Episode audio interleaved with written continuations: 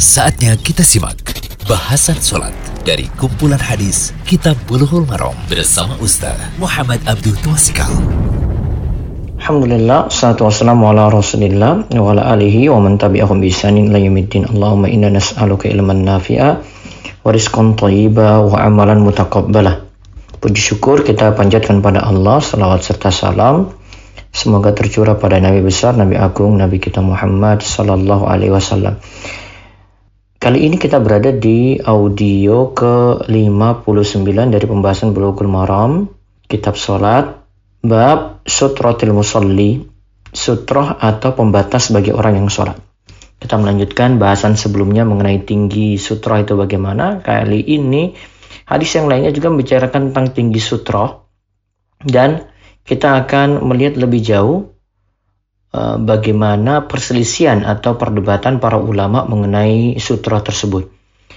Wa an bin Ma'badin al-Juhani qala qala Rasulullah sallallahu alaihi wasallam liyastatir ahadukum fi sholati walau bisahmin akhrajahu al-hakimu dari Sabarah bin Ma'bad al-Juhani radhiyallahu anhu ia berkata, Rasulullah Shallallahu Alaihi Wasallam bersabda, hendaknya seorang di antara kalian membuat batas, ya, membuat batas pada waktu sholat, meskipun hanya dengan sahmin, dengan anak panah, dikeluarkan oleh Al Hakim. Lengkapnya di sini riwayat Al Hakim, Ahmad ibnu Abi Syaibah, atau Broni dalam Al-Kabir dari Jarul Abdul Malik bin Ar-Rabi' bin Sabara dari ayahnya dari kakeknya. Lafaz hadis ini adalah dari Al-Hakim dari jalur ini.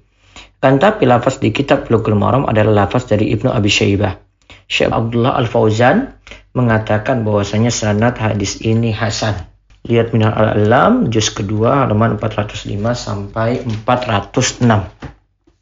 Nah, sekarang kita lihat uh, faedah hadis. Tadi disebut saham, saham atau sahmin atau ya kita sebut dengan anak panah ya. Kita sebut dengan anak panah.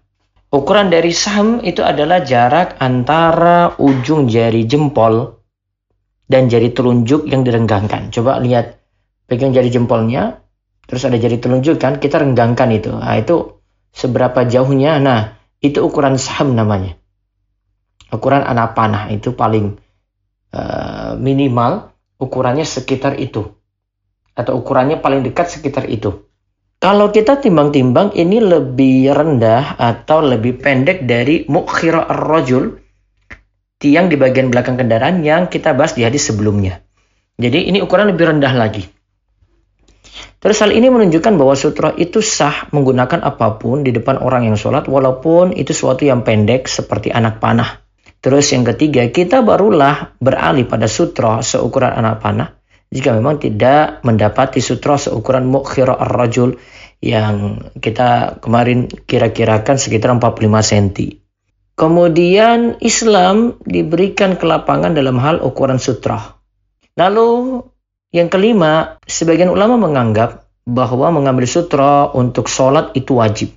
Sebagaimana pendapat dari Imam Ahmad dalam salah satu pendapatnya, juga Ibnu Khuzaimah, Abu Awanah. Pendapat ini beralasan dengan fi'il amr, kata kerja perintah yang digunakan dalam hadis, yang merintahkan untuk memakai sutroh bagi orang yang sholat. Lalu yang keenam, menurut jumur ulama atau mayoritas memakai sutroh bagi orang yang sholat tidaklah wajib. Ya, ini masuk perkara sunat tidak sampai wajib. Nah, sekarang kita lihat alasan tidak wajibnya memakai sutroh bagi orang yang sholat. Pertama, dalil yang menunjukkan bahwa Nabi Shallallahu Alaihi Wasallam sholat di tempat terbuka al fadha dan di hadapannya tidak ada sutra. Hadisnya dari Ibnu Abbas radhiyallahu anhu ia berkata, "Ana Rasulullah sallallahu alaihi wasallam shalla fi fadha'in laisa baina yadayhi syai'un." Rasulullah sallallahu alaihi wasallam pernah sholat di tempat terbuka, di ruang terbuka atau di tempat terbuka dan di hadapannya tidak terdapat sesuatu pun. Laisa baina yadayhi syai'un Hadis ini riwayat Ahmad Al-Hisami dalam Majma' Az-Zawaid mengatakan bahwa hadis ini terdapat Al-Hadis bin Arta dan ia perawi yang dhaif. Syekh Al-Arnaud mengatakan bahwasanya hadis ini Hasan dilihat dari jalur lain. Syekh Ahmad Syakir dalam takhrij beliau terhadap Musad Ahmad mengatakan bahwasanya hadis ini sahih. Nah, itu alasan pertama. Terus alasan yang kedua, hadis dari Ibnu Abbas yang menjelaskan bahwa Nabi SAW sholat tanpa menghadap tembok di depannya. Hadisnya dari Ibn Abbas berikut ini. Akbaltu rakiban ala himarin atan. Wa ana yawma idzin qad nahaztu al-ihtilam. Wa Rasulullah sallallahu alaihi wasallam yusalli bi Mina illa ghairi jidarin. Famarartu baina yaday ba'di saffi wa arsaltul atan tarta'u fadakhaltu fi saffi falam yunkar dzalika alayya. Aku pernah datang dengan menunggang keledai betina yang saat itu aku hampir menginjak masa balik. Dan Rasulullah SAW sedang sholat di Mina tanpa menghadap dinding, tanpa menghadap tembok, tanpa menghadap dinding. Maka aku lewat di depan sebagian soft. Aku lewat di depan sebagian soft, kemudian aku melepas keledai betina itu supaya bisa mencari makan sesuka dia. Lalu aku masuk kembali di tengah soft dan tidak ada seorang pun yang menyalahkanku. Artinya dia lewat di tengah-tengah sop ini seperti itu tidak ada masalah. Di sini riwayat Bukhari. Nah, Ibnu Hajar rahimahullah mengatakan perkataan dari Imam Syafi'i uh, yang dimaksud ila ghairi jidarin tanpa menghadap tembok tadi itu maksudnya adalah ila ghairi sutrotin qallahu Syafi'i tanpa menghadap sutroh. Sebagaimana dikatakan oleh Imam Syafi'i. Ibnu Hajar juga menyebutkan bahwa hal ini dikuatkan dengan riwayat Al-Bazar dengan lafaz wa Nabi sallallahu alaihi wasallam yusallil maktuba laisa li syai'in yasturuhu. Nabi SAW salat wajib dan di hadapannya tidak ada sesuatu sebagai sutra. Mengenai hadis di atas juga Ibnu Battal rahimahullah mengatakan anal imama yajuzu ayusalliya ila ghairi sutratin. Imam boleh sholat tanpa menghadap sutra. Nah, ini dikatakan oleh Ibnu Battal dalam syarah Al-Bukhari. Alasan yang ketiga dari Abu Sa'id Al-Khudri radhiyallahu anhu ia berkata Nabi Shallallahu alaihi wasallam bersabda, "Idza shalla ahadukum ila syai'in yasturuhu minan nasi fa arada ahadun ay yajtaza baina yadayhi falyadfa'hu." Jika seseorang di antara kalian sholat menghadap sesuatu yang membatasi dirinya agar tidak dilewati orang, dan apabila ada yang tetap nekat melewati di hadapan ia sholat, maka hendaklah ia menolak atau menghalanginya. Syekh Muhammad bin Shalih Utsaimin rahimahullah menjelaskan bahwa kutipan hadis jika salah seorang di antara kalian sholat menghadap sesuatu yang membatasi dirinya agar tidak dilewati orang berarti ada kalimat jika di sini ya. Ada kalimat jika ya.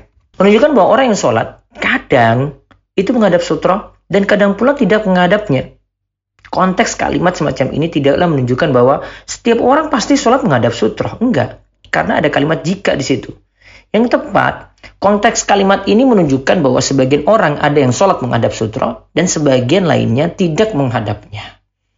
Nah, semoga uh, penjelasan dari Syekh Ibnu Utsaimin dalam Syarul Mumti ini dipahami. Nah, alasan keempat lagi, Syekh Muhammad bin Shalih Al Utsaimin rahimahullah beralasan bahwa hukum memasang sutra adalah sunnah karena hukum asalnya adalah baro atau zimmah. Artinya asalnya seseorang itu terlepas dari kewajiban sampai ada dalil tegas yang menyatakan wajib. Ini juga dijelaskan oleh Syekh Ibn Utsaimin dalam Syarul Mumti. Kesimpulannya begini, dari Syekh Abdul Fauzan, Habibullah dalam Minha al-Alam, beliau katakan, yang lebih kuat memang kalau dari sisi pendalilan sih, kita lihat merujuk pada hadis Abu Sa'id al-Khudri. Perintah wajib yang sebelumnya dalam hadis-hadis yang lain, kita bawa ke hukum sunnah. Namun kata beliau, wal ahwat Allah yusalliya ahadun illa ila sutratin. Yang lebih hati-hati adalah orang yang sholat hendaklah menghadap sutra. Itu kan lepas dari perselisihan para ulama yang ada. Wallahu a'lam bisawab. Semoga jadi ilmu yang manfaat. Demikian bahasan sholat dari kumpulan hadis Kitab Buluhul Marom bersama Ustaz Muhammad Abdul Tuasikal.